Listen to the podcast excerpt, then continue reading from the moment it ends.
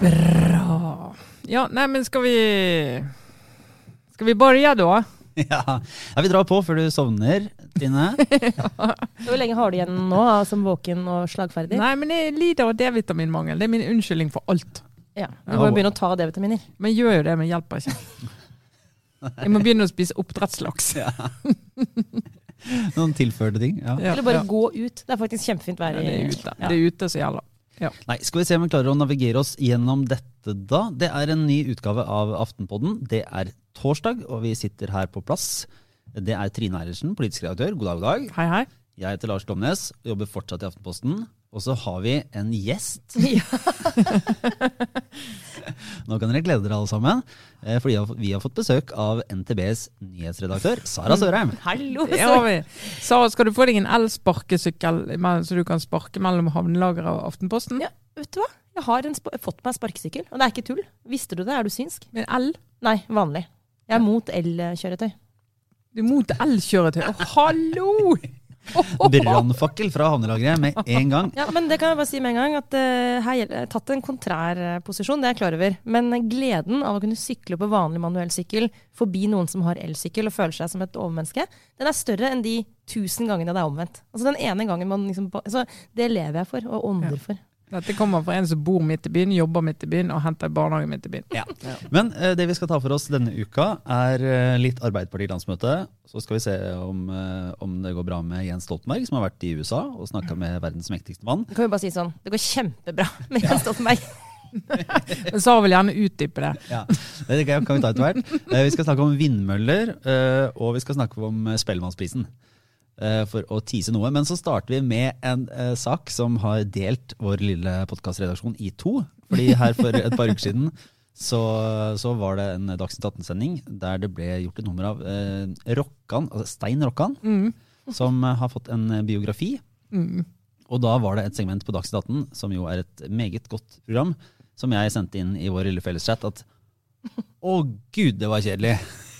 Det er noen minutter av mitt liv som jeg aldri får tilbake. Her satt det gamle karer, Bernt Hagtvedt og en eller annen stubbe, Stubbhaug, ja. Arild Stubbhaug. Ja. Ja.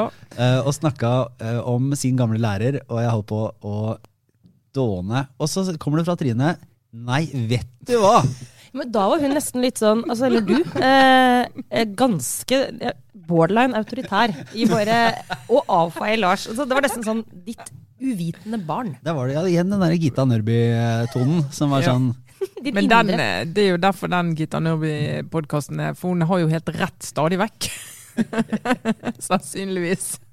Men eh, det som eh, det som er for du da er en disippel av Stein Rokkan, og her denne uka så har du til og med vært og avholdt et eller annet seminar, eller i hvert fall deltatt på det. Så kan ikke du, nå får du noen veldig få minutter til å eh, snakke Rokkans eh, sak, og vise hvorfor det egentlig jo selvfølgelig Ja. er veldig interessant. Du må gjerne begynne med sånn Hvem er Stein Rokkan? Hvem er Stein Rokkan? Stein Rokkan er eh, sannsynligvis den eh, viktigste samfunnsvitenskapelige forskeren som Norge har eh, brakt frem for verden. Han er en av de mest siterte forskerne fra Norge noen gang. Mener han er bedre enn Johan Galtung? Ja, da.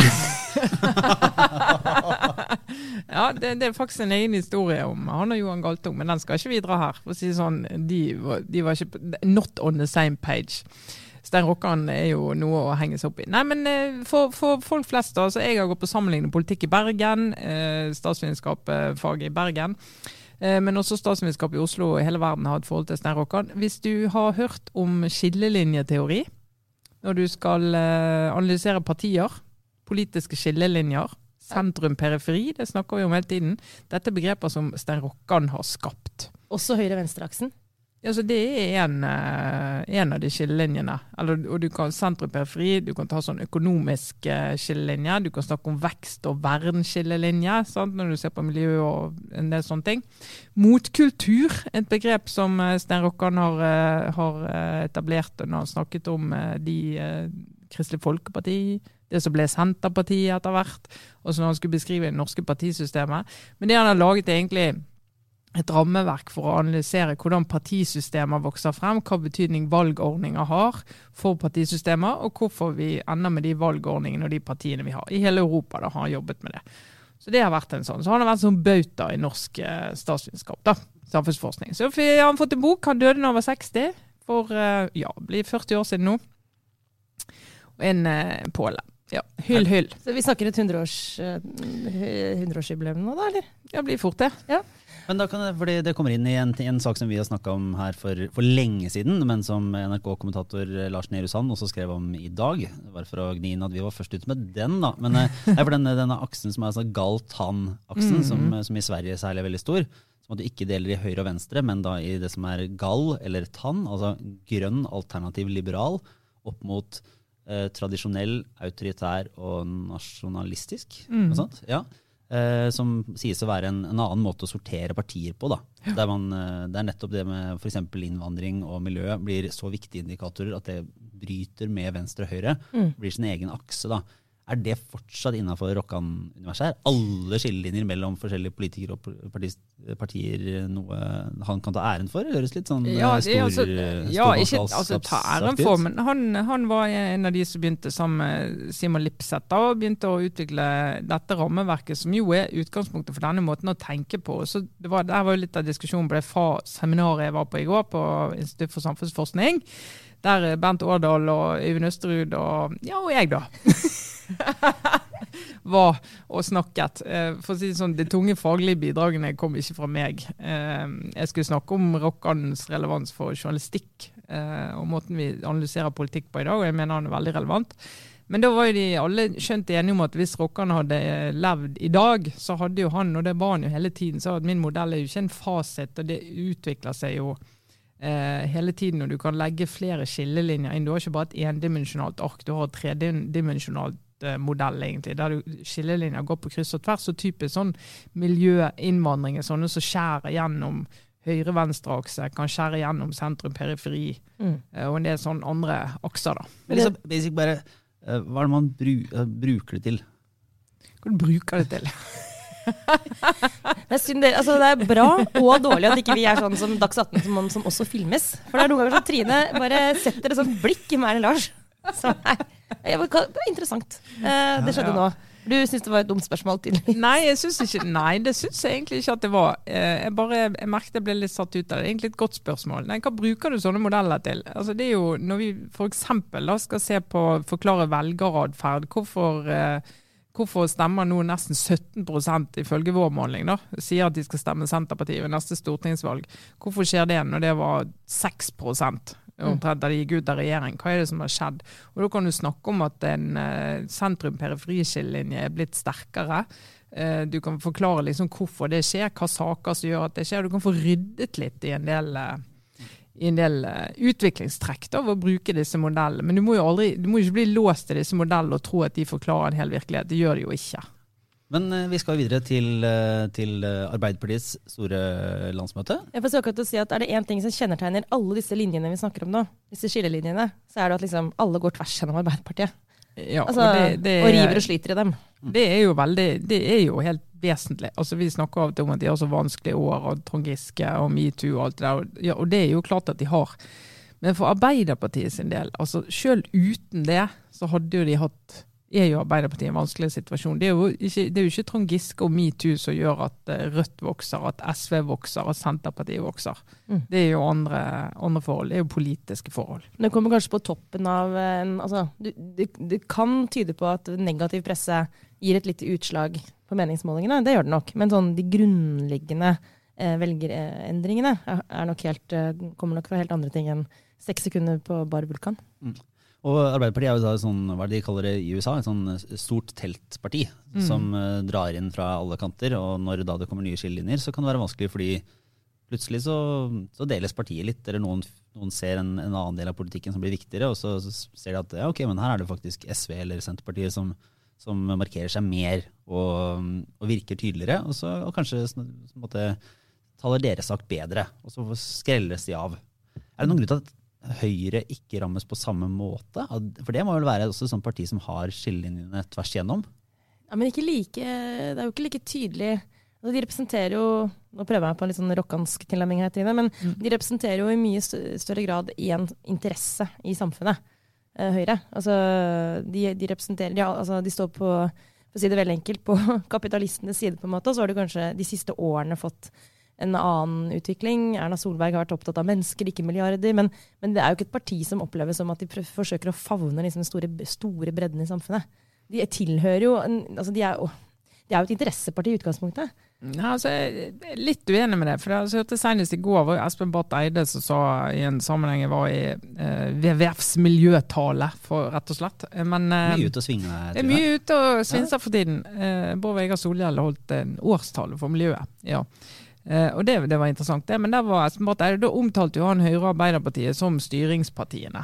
styringspartiene. Og litt det de har til felles, er jo det at de favner bredere. De er ikke sånn rene eninteressepartier. Og de skal liksom de skal ha, være opptatt av oppvekst og pensjonister og studenter og arbeidstakere og eiere. Altså, de, de skal selvfølgelig ha tyngdepunktet sitt, eh, Arbeiderpartiet åpenbart på arbeidstakernes side, og Høyre mer på kanskje bedriftseiernes side, da, Mm. sant? Altså, sånn historisk.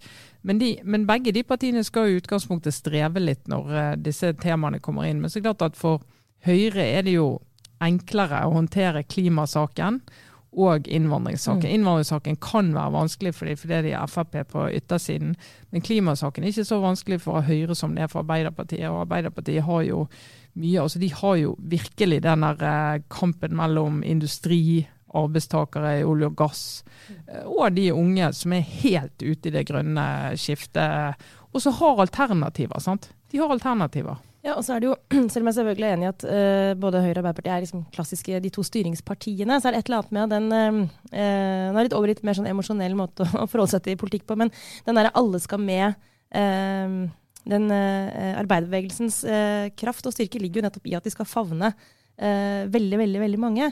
Og den eh, du kan si den, Det velgeropprøret som kommer når representasjonen blir borte, da, og du opplever at de, altså sosialdemokratene, ikke lenger representerer deg, den effekten får du ikke på samme måte på borgerlig side.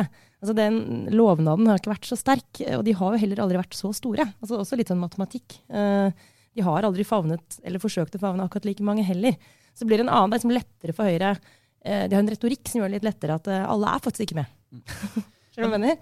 Men det er, eh, i Arbeiderpartiet, da, som starter sitt eh, voldsomme politiske verksted eh, i Oslo nå mm, i dag, torsdag, eh, hva, er det som, hva er det som blir avgjort? Og ikke minst, har de fått en god start? Jeg, ante at Eilertsen her, før du kom fra ditt nye, nye bosted arbeidsmessig her, Sara, så, så var det en, en, en analyse av dagens Politisk kvarter, der Jonas Gahr Støre var og forsvarte seg. Ja. Som, eh, kan ikke gi oss noen eh, korte stikk, eh, Ja, altså, det, det er jo på å si tradisjon, eller det er jo fast takst at partilederen i det partiet som har åpna landsmøtet sitt, møter også i Politisk kvarter i NRK og blir grillet av den programlederen som sitter der. I dag var det Bjørn Myklebust, kanskje den tøffeste programlederen i norske medier. Mest, altså veldig, veldig godt forberedt, veldig konfronterende og veldig utfordrende eh, reporter. Eh, og han hadde Jonas Gahr Støre i studio. Ja, og da tenker jeg, Hvis du er Jonas Gahr Støre og skal i studio med Bjørn Myklebust, da, da skal du ha eh, forberedt deg ordentlig, og du skal ikke være usikker på, på noe, egentlig. Mm. Uh, og det gikk helt passe. Det må være lov å si. Altså, Det gikk bra en stund, men så begynte de å snakke om ulikhet. Og det er jo kjernesak for Arbeiderpartiet. Eh, og litt av utfordringen, bare for å ta bakteppet til Arbeiderpartiet når de gikk inn i valgkampen, det var jo at de snakket om både ulikhet og arbeidsledighet. Altså De snakket veldig mye om et problem som velgerne ikke så. Mm. De så det ikke rundt seg. Her er arbeidsledigheten? Så dere skal få ned. Altså Det var liksom ikke noe sånn. Og nå snakker de om en ulikhet så heller ikke Det er ikke mange som klarer å se den. Sånn at hvis du skal snakke om det, så må du vite veldig, veldig hva du gjør. Det er så lett å bli slått ned. Og så er- slurver Jonas Gahr Støre og sier at det nå florerer det med midlertidig ansatte og, og innleie. Og så går selvfølgelig Anniken Hauglie, arbeidsministeren, ut og sier at du lyver. Fordi at det finnes ikke belegg for å si at midlertidige ansettelser florerer. Det finnes ikke. Og Da må han sitte og forsvare det. Og så skal han begynne å snakke om ulikhet og hva som driver ulikhet. Og så blir det snakk om selskapsskatt og skatt på formue. Og da klarer ikke Jonas Gahr Støre helt å gå offensivt inn og si hvorfor de har gått med på å senke selskapsskatten, men vil øke formuesskatten. Han blir litt stående sånn ja, da må jeg gå tilbake og se litt på total og regnestykkene. Men så må jo bare liksom Altså, jeg, jeg, jeg begynte å klø i kroppen. Jeg tenkte, ja, men altså, du, du mener jo det du mener. Kan ikke du bare offensivt forklare da at ja, men selskapsskatten, det, Det påvirker faktisk antall arbeidsplasser, men utbytteskatten er, det, det, har ikke vi belegg for at det gjør, så det er noe annet. og Her må vi finne en balanse. Liksom. Men han ble sittende sånn i forsvaret. Det var litt, sånn, det var litt vondt å høre på. Jeg tenkte, vet du hva, Lederen i Arbeiderpartiet kan ikke prestere på den måten i Politisk kvarter med Bjørn Myklebust, som riktignok er veldig veldig tøff programleder. Men det, det, men det var ikke sånn kjempeoverraskende at disse spørsmålene skulle komme? Nei, det mener jeg overhodet ikke overraskende. Og Selskapsskatten var da noe Arbeiderpartiet også gikk inn for å senke, for å få den mer i tråd med konkurrerende skattesystemer i naboland og ikke ja, det, andre steder. Skatteforliket handlet jo om å reformere skattesystemet. Det gjør de med jevne mellomrom. 10-15-20 års mellomrom. Så sier du hvordan kan vi skru på dette for at det skal være mer effektivt og treffe riktig og alle de tingene. Og da hadde landene rundt oss begynt å sette ned skatten. Så Jens Stoltenberg så flagget det på slutten av sin regjeringsperiode at nå skal vi sette ned selskapsskatten, for det er nødvendig for eh, bedrifter som konkurrerer med bedrifter i andre land som har gjort det.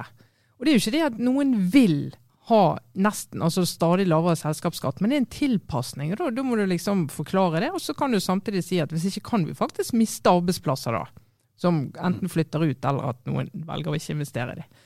Mens utbytteskatten er noe annet. da. Og da må, du, da må du, argumentere for det. Eh, og det sa jo Arbeiderpartiet i skatteforliket, at de ville ikke være med på å kutte i utbytteskatten. Skulle ikke være med på det, og jeg har stått på det hele tiden. Og det er jo eh, et ærlig standpunkt. Nei, det var, nei, det var litt sånn vondt. Mm. Det er vanskelig å skjønne hva som er de store sakene for Arbeiderpartiet akkurat nå. Eh, og ulikhet som du sier, løftes frem, men det er også litt sånn vanskelig å skjønne eh, hvorfor det. Han fremstår ikke som en partileder med et veldig tydelig budskap. Kanskje også litt urettferdig fordi mange rundt han, f.eks. Eh, Slagsvold Vedum, har et veldig tydelig budskap. Altså, vi lever i en tid hvor liksom, sterk politisk retorikk eh, er en vinner. Så han, han, blir på en måte litt sånn satt ut av spill av det òg. Altså kombinasjonen av ikke så tydelige saker selv, og at uh, hans konkurrenter har det. Det, men det litt, slår ikke gjennom. Det er jo litt dobbelt, det der. For jo, nå skal jo Arbeiderpartiet skal jo diskutere oppvekst, de skal diskutere eh, oljeutvinning i Lofoten Vesterålen enda en gang. De gjør det jo på hvert eneste landsmøte. Ja. ja og, det, altså, de jo, og det er jo saker Arbeidsliv er en veldig viktig sak for Arbeiderpartiet. Det skal de diskutere. Og selvfølgelig ulikhet er en viktig sak for Arbeiderpartiet. Men det er liksom noe med den derre å klare å si, og det er jo utfordrende Arbeiderpartiet, for de er med på et skatteforlik er med på det. Og må jo stå for det forliket de er med på. Men så inni det forliket, og det er jo liksom forlikets natur, så har du gått med på ting som du kanskje ikke syns er optimalt, men vi må få sydd sammen noe her. Og som Tradisjonelt så får du jo kred for å ta den type ansvar, men nå, tida vi lever i, gjør mm. at det tvert imot. Du får ikke det. sant?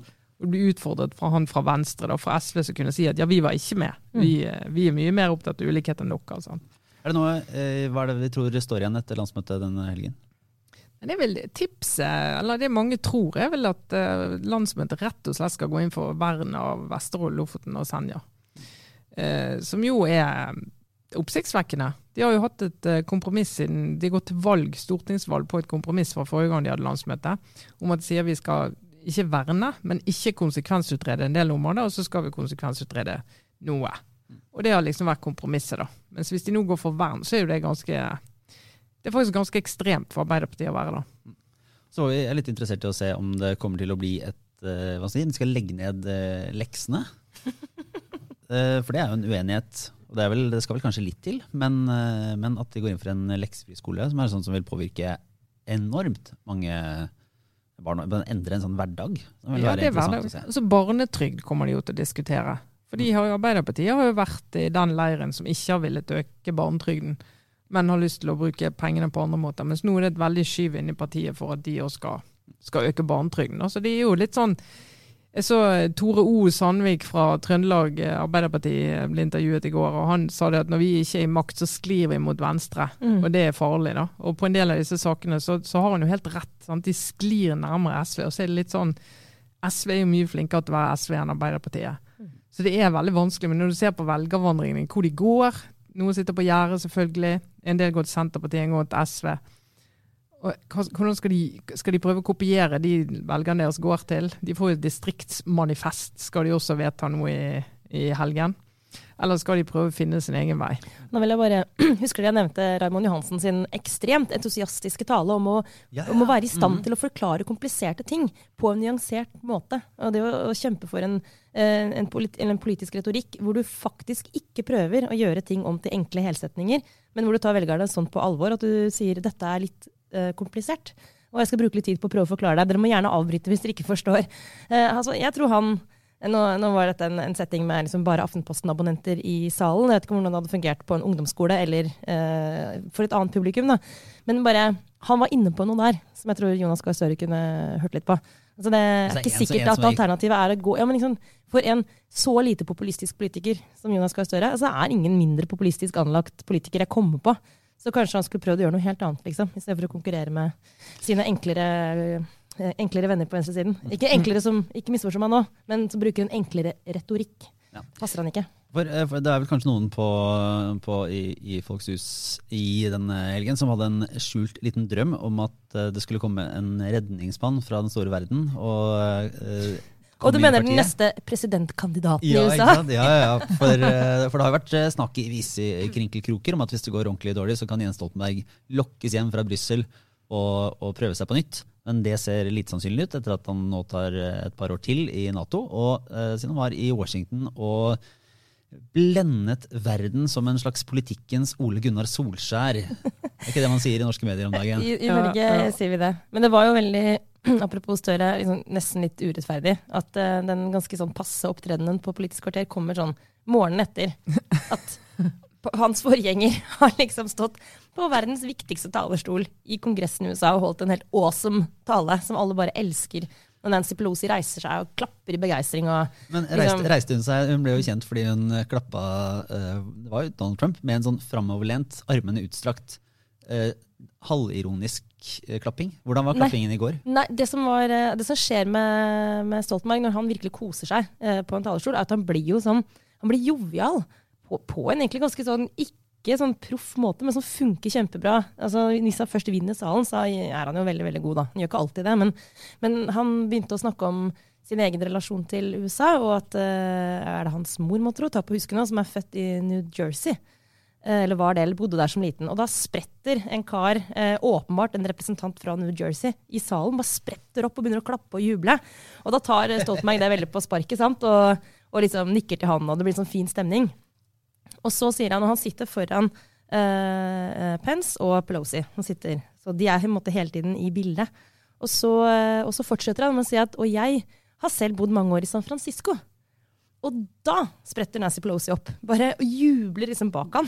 Helt out of character. Nesten så sminken rakna, liksom. Og var helt sånn Ansiktet rakna? Ja. Jeg, jeg, tror ikke den sminken rakna. Den er tatovert på. ja. Men da, Og det virket ikke planlagt. Eh, jeg vet ikke hvor Stoltenberg helt fikk det med seg, han så med ryggen til. Men eh, det var sånn, det var et sånt fint moment, da. Liksom men det, det, er jo litt søtt da, med nordmenn som liksom ja, vi får sånn Solskjær. Liksom, tenk en av våre gutter, liksom. Se alle klapper for en av våre gutter. og det er sånn, Alle politiske forskjeller forsvinner, all historie, alt. Vi er bare en av våre gutter. Det er litt sånn, det er litt sånn rørende. Eh, litt provinsielt, må være lov å si, men eh, koselig. Men, koselig. Jeg syns det var stas sjøl. Jeg synes det var stas. For selv når du plukker bort en, eh, en, en norsk person kjent i utlandet-greia, uh, da, som mm. vi jo lider av, men så er det jo en Unnskyld. Det er jo en utrolig Um, um, hva heter det for noe? Achievement, hva heter det på norsk? Herregud, jeg har sett for mye på En bragd kan man bruke. Uh, at han helt tatt kom seg til den talerstolen. Du må bli invitert uh, for å snakke til Kongressen. Det er veldig få som uh, gjør det. Det er aldri noen i hans type rolle som har gjort det. Jeg tror ikke det er noen Altså FN-generalsekretæren har aldri gjort det. Men det har, jo, det har, jo, litt med den situasjonen som Nato har vært i etter at Trump ble president, og flagget mer eller mindre direkte at han var klar for å trekke USA ut av Nato. Og så har jo Kongressen, store store flertall i Kongressen har jo veldig behov for å markere at der er ikke vi. Eh, sånn at denne invitasjonen må jo ses mot det bakteppet, ikke bare Jens Stoltenberg personlig. Hva er, det, hva, er det, hva er det Stoltenberg egentlig ville oppnå med denne turen? Og hva er det han eventuelt har oppnådd? det er jo den, uh, å, trygge, å, trygge, den støtten i Kongressen er jo helt uhyre viktig. Det er, det er jo helt reelt at Trump har åpnet for at uh, den, den, støtten til Nato kan være i spill. Så det er jo bare å sørge for at det ikke skjer. Og så klarte han jo å gjøre uh, Eller hvis man, skal, hvis man, skal, være litt positiv, da, som noen av oss kan ha en tendens til å være når det gjelder Jens Stoltenberg, så klarer han jo å balansere den stå på den veldig, veldig smale knivseggen mellom å skulle nikke til Trump uh, og takke han for støtte og, og, vise til den gode relasjonen, og samtidig holde en tale som Angela Merkel kan like. Altså Han driver jo og balanserer en del, og så har du sånne kjempestore egoer som Macron og andre mennesker som han faktisk forholder seg til, som han må liksom klare å please. Hvis han klarer det, så er jo han gjort en god jobb. Det ville vært så bra hvis han skulle tilbake til norsk politikk og så fått ut på sånn kjøpesenter da, og stå der og bare Hei, jeg heter Jens. Ja. Bare tilbake til det samme gamle, samme gamle gimmickene for å, for å prate sånn bitte små samfunnshus.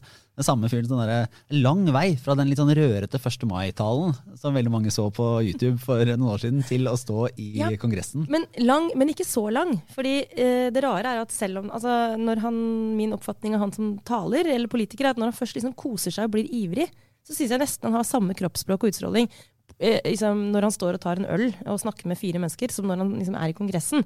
Og noen politikere som er så trygge, er jo, har jo litt sånn at personligheten skinner gjennom hvis de koser seg. Det gjør det litt sånn Det er litt Men- koselig for oss nordmenn å se, da. Men nå må jeg hoppe videre, fordi det jeg egentlig har hatt mest lyst til å snakke med hele, om hele denne uka, er uh, den fantastiske Frp-videoen uh, som ble lagd da NRK-lisensen forsvant. Uh, der da de sto og rev lisens eh, i biter og feiret dette. Altså, jeg har ikke Eh, sett denne videoen. Ja, så jeg skjønner har ikke Nei, nei, jeg turte ikke å si det i stad når vi forberedte oss. Nei, er. Det har vært en kampsak for Frp i alle år å bli kvitt TV-lisensen. Det har jeg fått med meg, da. Men, Men, men nå, skal vi ta en, nå skal vi ta en liten sånn popquiz, eh, Sara. Fordi altså, det var jo da Morten Wold og, og Silje Hjemdal som sto her, og så uh, var det sånn Yes, yes! TV-lisensen er helt borte. Mm. Tror du på en måte hvor Tror du de pengene blir helt borte? Hvem tror du skal betale for det nå? nei, det må være oss, det, da. Ja, ja, ja. Men tror du det kom veldig tydelig fram av den videoen? Det tviler jeg på. Ja. Ja. Så eh, de har jo det, det kommentarfeltet eh, under den videoen på sosiale medier ble jo et kaos da folk skjønte at eh, vi må jo betale det samme. Altså, det, er, det er ikke sånn, Noen må til og med betale mer fordi det skal betales over skatteseddelen. Eh, og så hjalp det ikke at denne videoen altså, De to ser jo ut som om de er klipt ut av enten en sånn østeuropeisk Eurovision eh, Norge får null poeng-setting, eller en sånn Hunger Games-video-TV. det, er- det, er det er så, det er så mye fine farger. Det er og så så- rart. Men legg den ut, da, så at jeg og andre kan se dette, dette praktverket av, en, uh, av lev noen levende bilder. I aller høyeste grad. Ja. ja. Nei, det var episk kommentarfelt. Og det var jo litt sånn uh, Frp gone bad, liksom. For de er jo yes, en seier. Virkelig. En blank seier. Vi er kvitt TV-lisensen. Det er jo kan det bli bedre. Feire. Og så er det litt sånn Nei, det, det, var, ikke, det var ikke helt sånn. Og du vet For FrPs velgere, altså det kommentarfeltet er helt episk. De var så forbanna. Altså Forbanna fordi de skjønte plutselig at de må betale for NRK likevel. Ja, altså da fremstår du rett og slett som om Frp har lurt deg. sant? Litt sånn, ja, Du tar vekk lisensen, særlig hvis du er sånn et par. Sant? Du har betalt én lisens for hver husstand tilknyttet til TV-en du har. Og Plutselig så skal begge i vår husstand skal betale skatt på dette, så det kan bli mer, bli mer for oss enn det var. Og når det gikk opp for folk, at det var sånn det var, Åh, og nei, Gud bedre. eh, da var de forbanna. Så skal jeg ellers bare si at uh, dette må være å regne for en uh, liten annonse, men vi skal jo ha livepodkast i Trondheim 24. april. Der er det fortsatt noen veldig få billetter igjen. Så det kan fås via Samfunnet, eller, uh, eller i hvert fall på våre Facebook-sider. Og kan jo gratulere oss selv med at Aftenpodden Live nå er nominert til Nordiske mediedager som årets redaksjonelle event. Så ja, for vi kommer tilbake til noen andre typer prisutdelinger i dag. Mm, Eh, men vi, øh, så jeg har lyst til å bare komme med en sånn disclaimer først som sist. Vi er klar over at vi i som bransje har en liten hang til å gi hverandre priser. Men eh, bare, vi lover ikke å plage så mange med det. Eh, Vi blir ekstremt glad, for vi er veldig selvopptatte for å være nominert til alle mulige priser. Så jeg bare sier at, Men vi prøver jo ikke å dytte det ned i halsen. Jo, det gjør vi faktisk. Ja. Vi skriver om det selv i avisen vår. Ja. Ok, Men takk til de som nominerte oss, i hvert fall. Ja, og så, gleder vi oss til uh, i morgen eh, fredag. Er det da vår store quiz på Rockefeller. Der er det egentlig helt utsolgt. Det er mulig at det er noen sånne siste liten folk som selger billetter på Facebook-siden vår der òg. Og det tror jeg blir kjempegøy. Jeg har sittet og lagd spørsmål og holdt på i eh, lange tider og pønska ut noen små nøtter som forhåpentligvis blir eh, vriene, men morsomme. Eh, så det er ordentlig gøy. Eh, Kanskje vi kan dele noe av quizen etterpå? Til de som ikke har, kommet, har muligheten til å være Ja, der. det kommer, Mm. også, det kommer faktisk til å skje. Jeg har, eh, jeg har skrevet opp i et format som gjør det mulig å quize venner og andre. Eh, så det var den eh, lystigere delen. Og så, Trine Eilertsen, har du fått kjempa inn et, eh, Et lite vindmøllehjørne. Ja, Kan ikke du gi oss en oppdatering det på det som skjer? er, Nå var, jeg faktisk, nå var jeg spent på hva som kom, for jeg glemte, hadde glemt det punktet. Det sånn, å, nå skal vi snakke om Nei, vi skal snakke om vindmøller, ja. Ja, vindmøller Ja, det det er jo eh, vårens store sak ja. eh, rundt omkring i Norges land, vil jeg si. Det vi har ventet på, alle vi som er opptatt av vindmøller. Altså bare, la oss minne, er dette, Har dette noen ting med at du frykta å se en fra hyttevinduet ditt? Nei, ikke fra hyttevinduet mitt, men Stølsheimen var jo Det er jo en av de store kranglesakene om Stølsheimen skal få vindmøller eller ikke. Eh, Det var, det, det, jeg har jo innrømmet det at det utløste jo en liten interesse fra min side. Ja. Det gjorde det. Og etter det så har jeg gått eh, all in og lest om vindmøller opp og ned. Vindmøller til havs, vindmøller på dypt vann, vindmøller som er, flyter, vindmøller på land, overalt. Ja.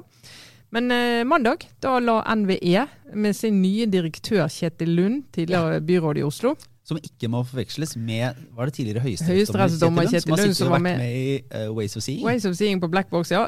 Absolutt ikke han. Kjetil Lund han satt rett bortenfor meg på lesesalen på universitetet i hine våre dager. Ja, Så han har jeg kjent lenge. Men Også eh, han som tror jeg var nevnt før, men skrev da han byttet jobb nå, en utrolig fin tekst på sin Facebook-side som mange har delt eh, om eh, hvorfor man bør engasjere seg i politikk. Ja. Det skrev han når han gikk ut av politikken, i hvert fall for nå. da. Men den er skikkelig god. Den, eh, bare, den ligger åpent på Kjetil Lund sin Facebook-side. Kjetil er en mann for de store anledninger.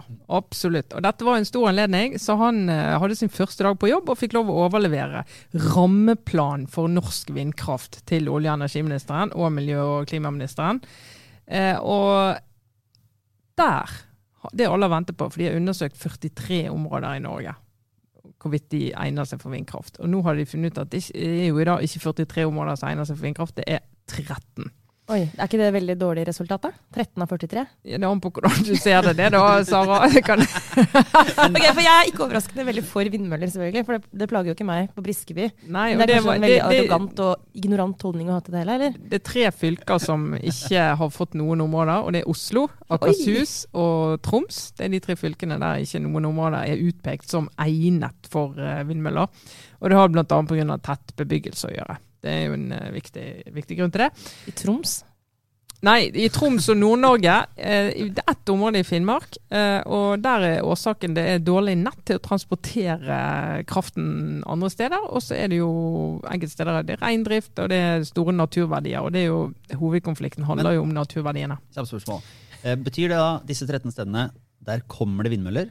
Nei, det betyr det ikke. Det betyr at hvis du er et vindmølleselskap og har lyst til å sette opp vindmøller og skal få håp om konsesjon, for det skal jo konsesjonsbehandles dette, så kan du søke, gjør du smart i å søke for et område innenfor en av disse 13, eh, og ikke et av de utenfor. For det kommer de i praksis da ikke til å forholde seg til. Nå skal denne planen på høring for all del, og det skal i regjering og det skal alt det der, men si at det blir sånn som dette. Så hvis du er et vindmølleselskap, så søker du innenfor de områdene der. Og En av grunnene til at de har gjort det, det er å dempe konfliktnivået. De ikke skal ha så mange konflikter om vindmøller.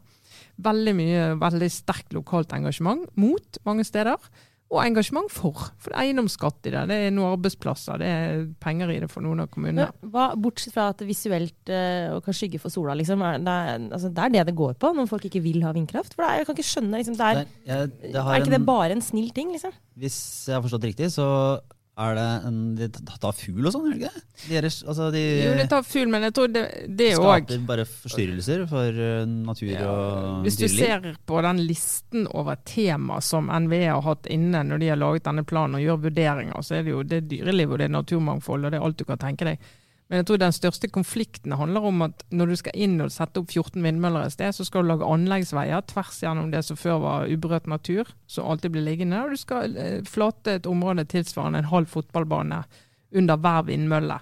Så hvis du er oppe i et fjellområde der folk har pleid å gå på stier og har pleid å gå på turistforeningshytter, nå er vi i Stølsheimen, og har pleid å, når du ser opp, så ser du, du ser havet, eller du ser himmelen, Mm. eller et annet fjell. Så det er klart at det endrer landskapet helt dramatisk mye. Da. Så, Ja, så, jeg så, så jeg mener jo at altså, Du må jo liksom bare slå fast at det er en stor endring av landskapet der de kommer. Men så må du diskutere ja, hvor går balansen. Når skal vi si at det er greit, og når skal vi si at det er ikke greit. Men å si at det ikke er det, det er jo helt håpløst. Og det var, jo et, det var jo et spørsmål på SVs landsmøte i helgen som var, der Ja. det var en fraksjon som mente at man skulle si nei til vindmøller på land, Mm. bare ha dem til havs. Men Ja. den delen tapte. Så nå SV går også for, eller åpner for, da, Det er vel kanskje en Ja. formulering, eller skal vurdere, eller et eller annet hva de velger å kalle det. Men eh, de sa ikke aktivt nei til vindmøller på land. Nei, det de sa var at vi må vente med nye konsesjoner til rammeplanen er behandlet. Det Ja. sa de. sant? For de har jo kommet, det har jo drevet, det er jo 35 anlegg som er i, i drift allerede, så de har jo gitt konsesjoner nå i 10-20 år. Men da var det liksom vi må stoppe og vente til vi ser. Og det er håp om vindmøller til havs, der teknologien i de dype havområdene vi har, vi er ikke i nærheten av å være der at vi kan begynne å bygge det i stor skala enda da. Så det er jo mange av oss som håper at det skal skje fort. Eh, vi eh, går inn i Ja, ja Silas. Ja, det er bare ok. Ja. Av og til, ja. Det, det, vi får se åssen det går. Det er bra, Trine.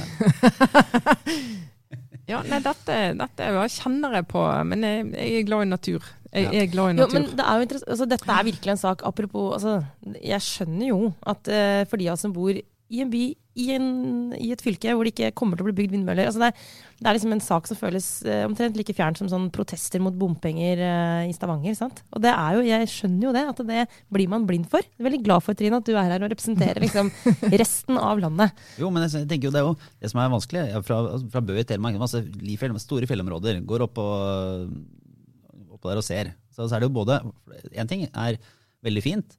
Andre ting det er plass til veldig mange vindmøller. Ja, ja, Det er utrolig Eh. mye fjell og stein og utmark og Ja, og så, så er det interessant å se og finne ut hva som er det der rasjonaliteten av at man skal bli et mer miljøvennlig samfunn og finne løsninger som gjør at du ikke baserer seg så mye på olje og framtidens energi og alle de tingene der. Opp mot den derre Ja, det ser litt stygt ut. Er det det altså, den, den debatten er jo den er jo veldig interessant, men det er ganske vanskelig å finne noen faste punkter i sånn hvor, hvor pent det skal se ut, eh, og hvor det, hvordan det skal vektlegges opp mot eh, andre ting. Da. Men det, får nå egentlig være. Vi går videre eh, til litt obligatorisk refleksjon. Kan jeg egentlig begynne?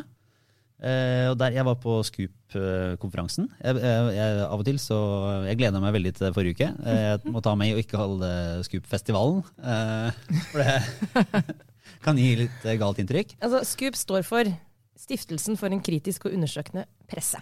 Det stemmer. Ja. Og det er uh, kjempeinspirerende. Og, og særlig etter noen uker. Å være kritisk og undersøkende. Et, er en liten ja, helg. En liten helg.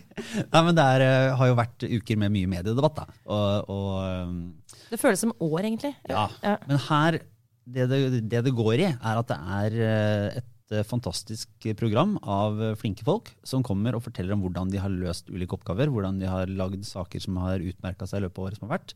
Det kommer folk fra utlandet som forteller om nye spennende metoder, ting de har gjort, hvordan de har funnet ettersøkte forbrytere på nett. altså sånne litt sånn detektivting. Eh, Og det er da i bolker fra morgen til kveld, og så henger man rundt med kollegaer og lærer av hverandre.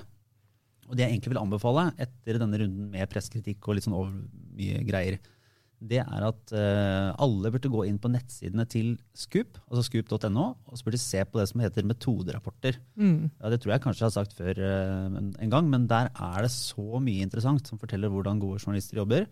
Uh, og mye av det er å lese som en, sånn, som en liten sånn krimhistorie. Fordi det jo, graver og finner og lager metoder og er, er veldig Ja, spennende. det er som historien, Ofte så er det ganske godt skrevet også, historien om hvordan en sak ble til. Eh, noen av dere som hører på har kanskje lest VG-rapporten om den eh, saken fra Bar Vulkan. Eh, og Den er jo ikke en metoderapport, det er mer en sånn 'dette skjedde', en logg. Men den også gir et sånn innblikk som vi snakket om forrige uke, i det redaksjonelle livet. Men det som er kult med metoderapportene, er jo at der er det eh, også sånn full, full åpenhet. Fordi hele poenget der er å vise hvor flink du har vært til å leite, så at du skal få Scoop-prisen, som deles ut på lørdag kveld. Ja. Eh, og de metoderapportene viser på en måte eh, helt konkret hvilke verktøy du har for å få tak i informasjon, gjerne informasjon som andre ikke vil du skal få tak i. Det er faktisk veldig inspirerende, og kanskje til og med litt nyttig å lese for folk på andre enden nå, som, som sitter på informasjon de ikke vil at noen skal få tak i. ja. Og den eh, verdige vinneren var jo, da, var jo da Dagens Næringsliv med denne fantastiske saken om Tidal, som, eh, som tilsynelatende har eh, juksa med strømmetallene sine. De fikk det liksom selve prisen. Eh, og så var det priser til eh, altså diplomer, bl.a. Til Aftenposten for stortingsregnskapene og hvordan eh, pengebruken har vært der. Og så var det også til Tønsberg Blad for en fantastisk sak om sånn hytteutbygginger i strandsonen. Og det er veldig koselig. Vi satt på sånn felles bord med, med Tønsberg Blad, og det er, det vel fortjent når en liksom, liten redaksjon kan være med og, og merke seg. Og så var det VG som hadde to diplomer. med Den ene var den Tolga-saken, som jo var fantastisk, og en sak om gjengkriminalitet i Oslo, som er en fantastisk metoderapport. Men jeg var jo ikke på Scoopy, jeg var liksom mellom eh, redaksjoner. Så, men du sa dere delte bord med Tønsberg Blad. Var det, var det for å være hyggelig mot en lokalavis, Altså- eller var det de eneste dere fikk lov til å snakke med, Lars? Nei, av jeg- andre? Nå vet, nå, vet, nå vet jeg ikke om dette har, har meldt seg ut av bobla, men fram til og med fredag så var jo den store snakkisen blant journalistene. For det er jo, så- det er jo sånn man spiser middag og, og prater med kollegaer, og så tar man en, noen øl i baren etterpå. Og, og Noen øl i baren etterpå. Ja. uh, og fram til fredag så var jo den VG-saken var det store temaet. Og så kom den virkelige avsløringen. Og det var at Aftenpostens journalister hadde fått et nachspielforbud.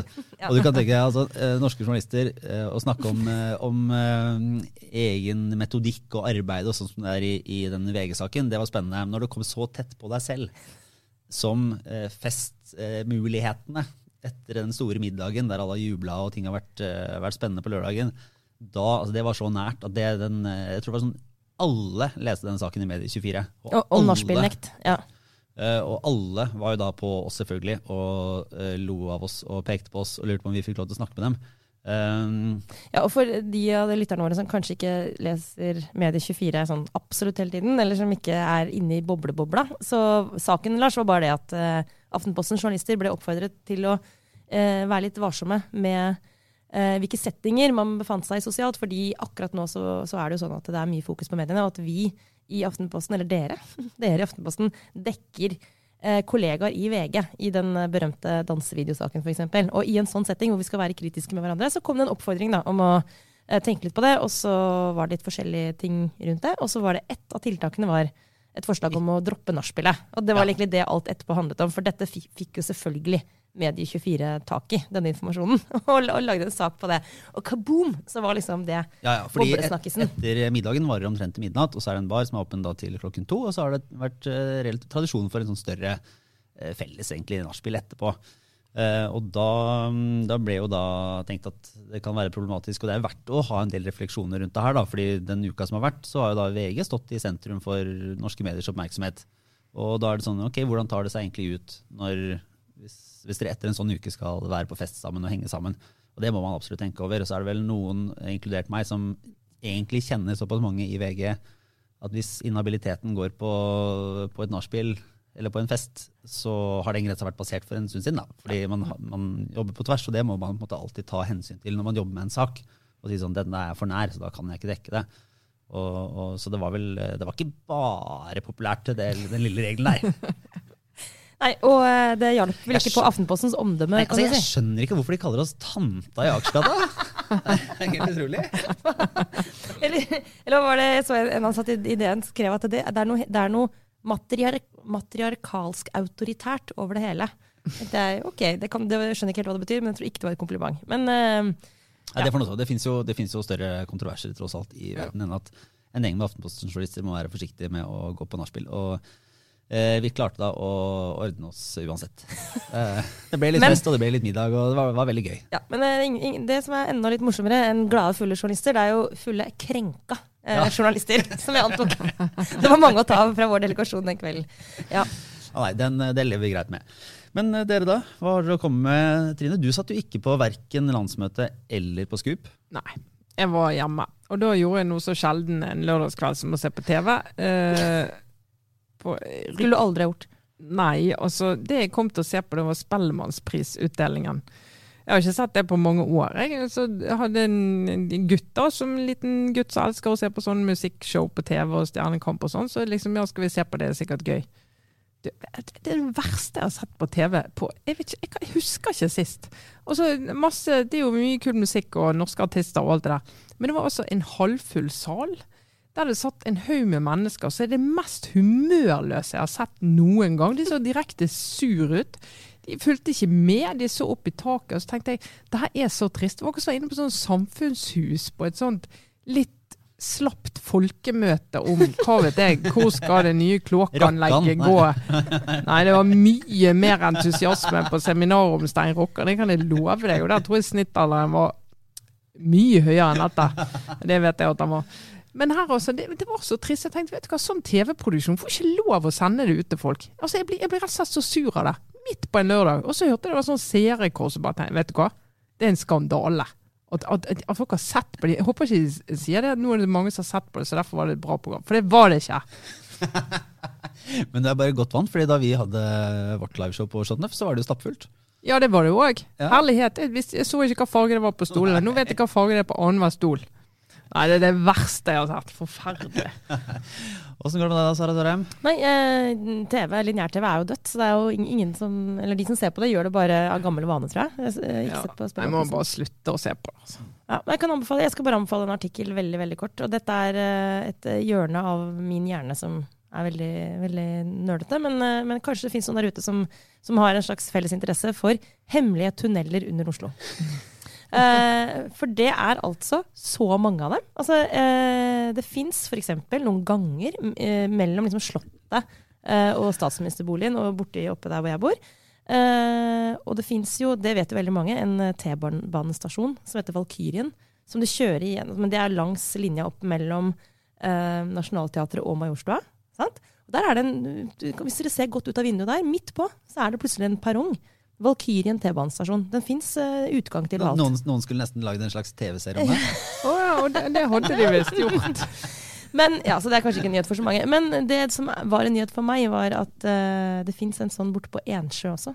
Det fins ikke bare en stasjon, men det fins en helt egen del av norske Oslos T-banenett som ikke er i bruk eh, i kommersiell trafikk. Og Det hadde Aftenposten en sak om i går, som vår kollega, deres kollega Kristian Sørgjerd har skrevet. Eh, og det ville jo være samfunnsøkonomisk, Trine. En vanvittig gevinst hvis man klarte å, å åpne opp disse, disse påbegynte eh, T-banetunnelene liksom i Oslo. Dette er fra 60-tallet.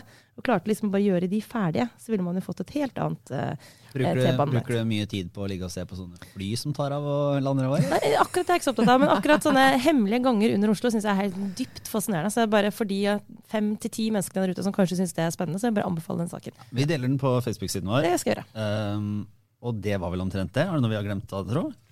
Nei, jeg tenkte, jeg tenkte bare ville anbefale faktisk Stortingsrestauranten. Det var en ja. stund siden jeg hadde hørt på den. Det er den podkasten til um, de høyrefolkene. Henrik Asheim tidligere var Tina Bru med, men hun er jo ikke der nå, for hun har fødselspermisjon. Men uh, han eh, Per Christian Frølich, Ja. eh, de driver den nå.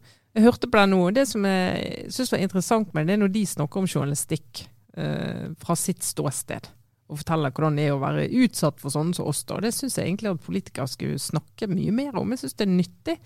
Lære av det. Så tenker jeg at de kan være enda frekkere når de kommer med eksempler på hva som ikke funker.